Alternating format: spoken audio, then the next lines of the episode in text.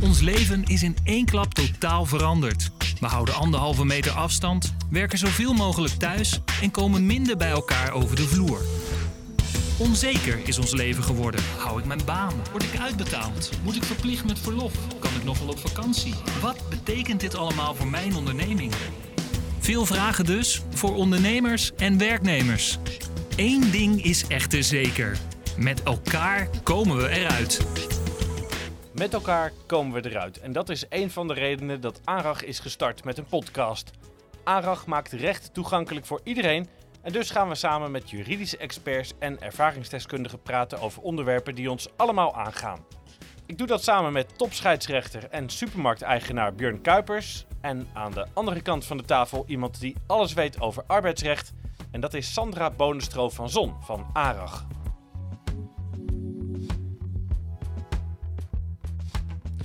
Allebei welkom natuurlijk. Uh, grote tafel. We zitten natuurlijk nog steeds in die anderhalve meter samenleving.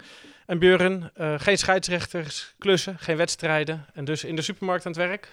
Ja, eigenlijk volop. En uh, ik zie dingen die ik eigenlijk anders nooit zag. Omdat mijn agenda vrij leeg is. nu heb ik er alle tijd voor. Maar andere wereld, ja. wat zie je dan meer? Hoe een geweldige team eigenlijk functioneert. Noem eens een voorbeeld. Meteen beginnen met een compliment. Ik zit veel op afstand uh, met ze mee te kijken. En als ik op de zaak ben, en dat doe ik bijna dagelijks, uh, zit ik veel op kantoor. Maar ik ben nu veel op de werkvloer. Dus ik zie gewoon hoe goed zij bezig zijn om die consumenten van alle gemakken te voorzien om hun dagelijkse boodschappen te doen. En dat doen ze met heel veel plezier en heel veel enthousiasme. En dat, dat sterkt mij enorm. Ja, nou dan kan je nu dus goed zicht op houden. Sandra, heeft het voor jou ook voordelen, deze situatie? Um, ik denk dat ik nu andere kansen krijg, uh, of andere werkzaamheden vooral moet ik zeggen, dan dat ik anders uh, zou doen. Uh, zo heb ik een aantal webinars gegeven en zit ik vandaag hier aan tafel. Ja, dat zijn toch wel weer hele leuke afwisselende werkzaamheden. Wat voor vragen krijg jij nu naar aanleiding van die coronacrisis? Um, nou, veel vragen over loon. Um, mensen die hun loon niet krijgen. Werkgevers die failliet dreigen te gaan. Van ja, wat, hoe, hoe gaat dat dan? Wat betekent dat voor mij? Um, vakantiedagen. Veel werkgevers willen graag dat uh, werknemers hun vakantiedagen op, uh, opnemen, omdat ze niet voldoende werkzaamheden hebben. Vakantiegeld uh, kan mogelijk niet betaald gaan worden in mei of juni, wanneer mensen daar recht op hebben. Dus ook daar krijgen we veel vragen over. Verzoeken van werkgevers om ook loon in te leveren. ja. ja, maar dat soort zaken. Laten we daar eens meteen over doorgaan. Vakantiegeld, wat kan je daarmee als werkgever? Kan je zeggen dat stellen we uit? Nou, formeel niet. De wet bepaalt in principe dat je als werkgever uiterlijk in juni het vakantiegeld moet betalen. Uh, de wet heeft ook vastgelegd dat het vakantiegeld minimaal 8% uh, bedraagt. Nou, de meeste werkgevers betalen het in mei, maar formeel vanuit de wet is dat dus in juni. Uh, je mag natuurlijk in overeenstemming met elkaar, dus als jij als werkgever het vakantiegeld niet zou kunnen betalen, kan je natuurlijk je werknemers verzoeken om het later te betalen of wellicht in termijnen. Dat zagen we in andere jaren ook wel eens gebeuren.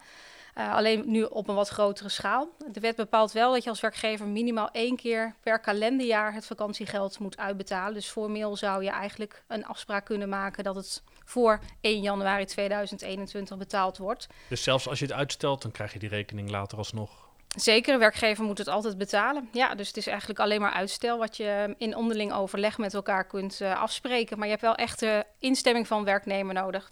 Hoe doe jij dat, Björn? Kan je dat in overleg met het personeel bespreken? Van ja, het zijn bijzondere tijden, dus misschien gaan we dingen wel anders doen? Ja, ik kan alles bespreken. Nou heb ik geen probleem om het vakantiegeld te betalen. Supermarkten draaien goed, dus ik zal het vakantiegeld ook prima kunnen betalen. Uh, we hebben ook een haarstudio. Daar werken acht dames, acht kapsters. Uh, die is dicht sinds half maart.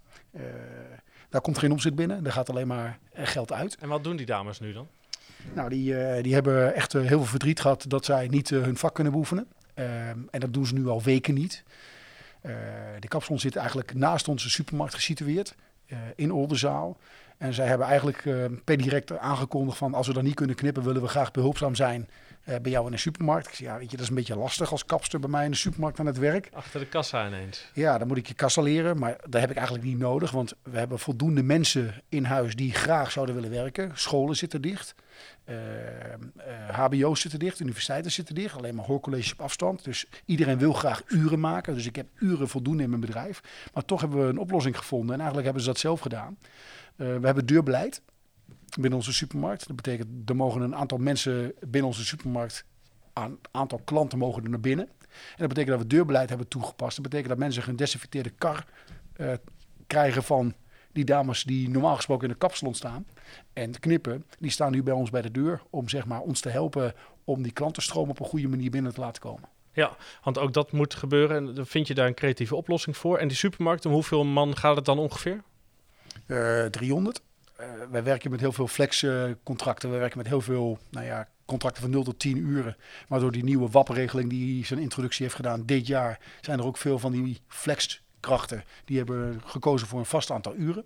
Hè, dat ze per week willen werken. En ik moet zeggen, uh, daar komen we samen altijd goed uit. En als je kijkt naar die vakantie. Dagen of vakantiegeld, eh, wat mensen recht op hebben, ook daar komen wij een goed overleg altijd uit. Ik zal je een voorbeeld noemen. Ehm, hebben de meivakantie. Ja. En in die meivakantie, ik zou zelf op Rodos zitten. die gaat niet door, we kunnen niet reizen. We hebben heel veel medewerkers van ons die in die vakantie vertrekken, die graag naar het buitenland gaan. Mijn bedrijfsleider zou dit, uh, deze week in Curaçao zitten met zijn hele familie, dus een familieuitje. Die, uh, die trip is gecanceld.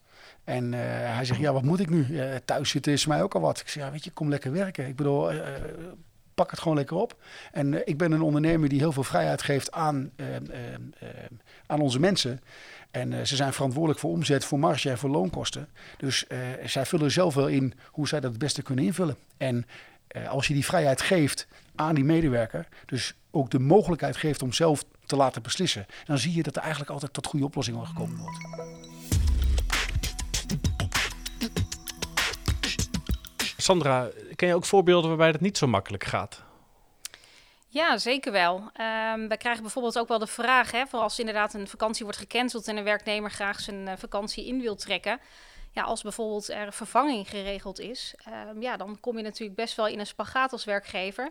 Uh, je wil je werknemer uh, te vriend houden, je snapt de situatie, maar aan de andere kant heb je ook al iemand anders ingehuurd. Um, en kun je dus hè, die niet meer annuleren. Dus je zit eigenlijk dan met twee op één plek. Um, dus ja, dus dat zien we ook wel. Ja. Kan een werkgever ook vakantiedagen schrappen of intrekken? Ja, dat kan. Uh, ons advies is ook daarin, hè, ga eerst natuurlijk even in gesprek met je werknemer. Misschien heeft hij wel helemaal geen vakantie uh, staan, vindt hij het geen enkel probleem. Of is zijn vakantie geannuleerd, is hij er hartstikke blij mee. Maar op het moment dat je er samen niet uitkomt uh, en je hebt als werkgever een gewichtige reden, dan mag je inderdaad een vakantie intrekken. Er wordt gehamsterd in de supermarkt. Ja, dan kan dat een reden zijn om, als je je bezetting niet rondkrijgt, om dan in inderdaad vakanties in te trekken. Een werknemer kan natuurlijk wel de terechte vraag stellen: hoe ga je dat op de lange termijn oplossen? Um, hè, want het kan natuurlijk geen reden zijn dat je de rest van het jaar geen vakantie meer zou kunnen opnemen. We zitten nog maar in het begin van het jaar.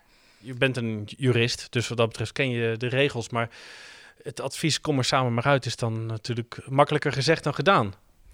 Nou ja, toch. Um, hè, we krijgen inderdaad veel de vraag van: goh, mag ik mijn vakantie intrekken? Want mijn werkgever speculeerde dat dat niet kon. Uh, op het moment dat ik uitleg dat inderdaad vanuit de wet gezien je niet het recht hebt om het in te trekken als het al een goedgekeurde vakantie is. Um, zie je toch wel dat daar dan ook een andere mindset ontstaat. Um, en vaak geven we inderdaad dan het advies mee, ga eens met elkaar in gesprek. Of je met, tot een oplossing kan komen die voor beide partijen werkt. Bijvoorbeeld halve vakantie opnemen. nou ja, wees creatief.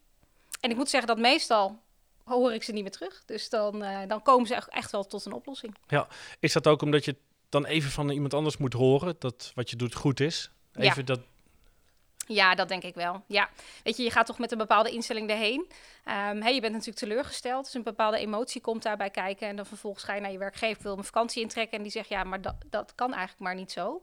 Uh, want het komt mij eigenlijk niet uit. En hè, dan zit je nog in die emotie. En ik denk dat je op het moment dat je even van iemand anders hoort van... hé, hey, ja, maar eigenlijk voor me kan het ook niet... Dus hè, ga gewoon eens even met elkaar in gesprek. Dat je dat tweede gesprek met een andere mindset ingaat. En op het moment dat je allebei open staat voor het gesprek, kom je er eigenlijk altijd wel uit. Heb jij daar, Björn, je personeel ook op moeten wijzen van nou, dit zijn de regels, dus we kunnen gewoon met hetzelfde belang, de neus dezelfde kant op, dit gewoon even bespreken? Nou, als scheidsrechter ben ik uh, iemand die de regels uh, probeert uh, zoveel mogelijk te handhaven. En dat proberen we natuurlijk in het bedrijf ook. Maar ik bedoel, als die medewerker zijn vakantie moet intrekken, omdat hij door het, of zij door het coronavirus niet kan reizen, is dat al vervelend genoeg. Ik bedoel, zo'n vakantie door je neus geboord zien gaan en daar kosten voor hebben gemaakt. Hè. Ik bedoel, Mhm. vliegkosten of uh, de verblijfkosten. Dan vind ik dat je als ondernemer, als werkgever, toch samen moet, op zoek moet gaan naar die juiste oplossing. En dan moet je gaan luisteren naar elkaar. En ik denk dat wat Sandra aangeeft, dat dat misschien wel heel erg juist is. Je hebt misschien die ene duw in de rug wel even nodig van, weet je, ga eerst met elkaar in gesprek en vraag elkaar, hoe zou je dan het liefste deze periode ingevuld zien? En dat starre gedoe van, weet je, juridische vlak, om dat iedere keer te benadrukken, ik denk dat dat niet goed is tussen werkgever en werknemer. Hoe is dat eigenlijk voor jou geregeld bij de KNVB? Ben je daar ook in dienst? Heb je daar dezelfde discussies als jij met je personeel hebt? Um, nou, ik niet. Uh, want ik ga die discussie als uh, werknemer bij de KNVB ook niet aan. En dat wil ik ook niet. Uh, fluiten bij de KNVB is voor mij niet mijn, uh, mijn, mijn businessmodel. Daar moet ik niet van leven. Daar moet ik niet van eten. Dus ik ga die discussie ook niet aan. En bij mij in het korps, waar scheidsrechters dus uh, veel jonge scheidsrechters zitten... die alleen maar leven van het vak scheidsrechter. Dat kan. Mhm. En dat zijn er ook een aantal. Voor hun is het natuurlijk wel erg belangrijk. Nu er geen voetbal is, betekent ook voor hun geen inkomen. Wij krijgen namelijk alleen maar betaald. We krijgen een heel gering bedrag per maand uh, als, uh, als een soort onkostenvergoeding. Maar we krijgen eigenlijk betaald naar aanleiding van wedstrijdpremies. Ja. En als er geen wedstrijden zijn, krijg je ook geen salaris. En dat is natuurlijk wel een probleem uh, voor die desbetreffende scheidsrechter. Maar ook daar zit weer goed werkgeverschap in. De KNVB heeft iedere scheidsrechter een voorstel gedaan om een soort voorschot te kunnen krijgen. Om die maanden in het coronavirus zeg maar, door te kunnen komen. Door een voorschot te kunnen krijgen op de toekomstige wedstrijdpremies.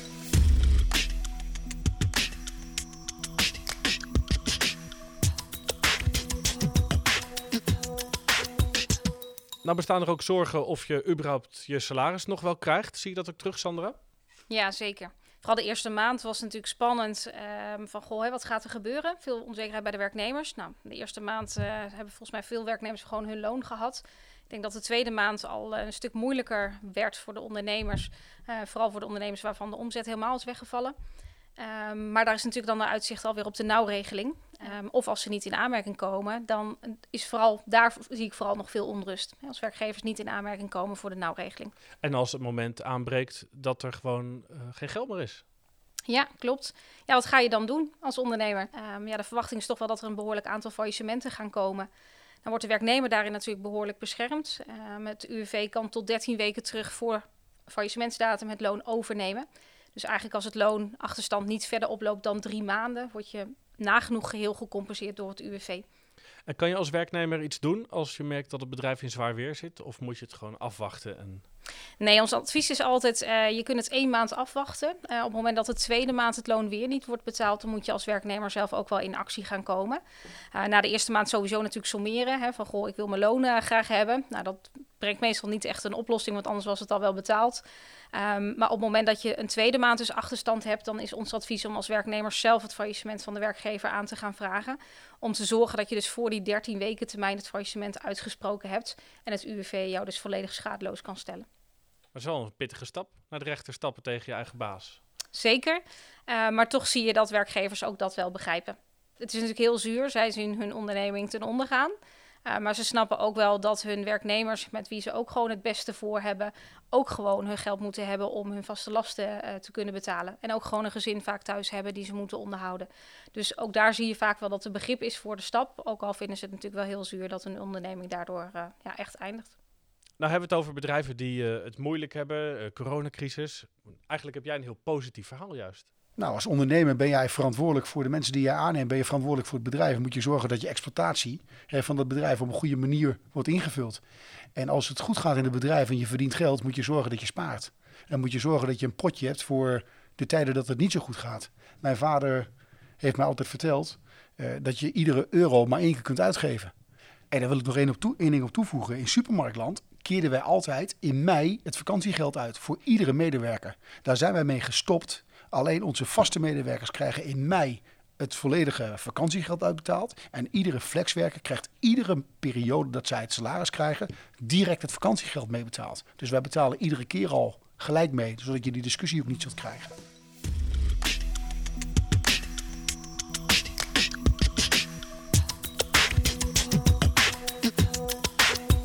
Wat we op het moment ook veel zien is dat um, werknemers ontslag hebben genomen om bij een nieuwe werkgever in dienst te treden.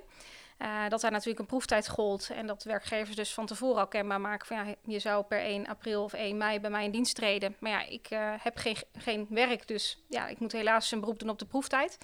En ik zie eigenlijk in de praktijk daar hele mooie oplossingen ontstaan. Dat bijvoorbeeld de werkgever bij wie je ontslag hebt genomen aanbiedt van goh, dan blijf je toch een maand of twee of drie langer bij mij in dienst totdat je daar wel in dienst kan treden. Maar juist hè, in deze tijden denk ik dat iedereen ook wat saamhoriger is. Um, en in die zin ook meer bereid is om het gesprek aan te gaan. Wat kan je nou doen als die relatie tussen werkgever en werknemer niet zo soepeltjes gaat? Nou, ik denk, ik, ik ben er zelf echt wel van overtuigd als jij zelf met de juiste intenties het gesprek aangaat. Um, en daar heeft soms misschien een andere partij hè, die tegenover je zit, die misschien wat starrer is vanwege een uh, wat minder soepele relatie. Als jij je intenties laat zien, um, dat je ook vaak dan wel tot een goed gesprek kunt komen. Ook al is dat misschien dan iets meer moeite dan als je gewoon een goede relatie met elkaar hebt. Uh, maar ik denk dat gewoon uitspreken naar elkaar, um, dat dat zeker helpt. Dus uh, uitspreken wat je intentie is, dus uh, waar je naartoe wil, een oplossing.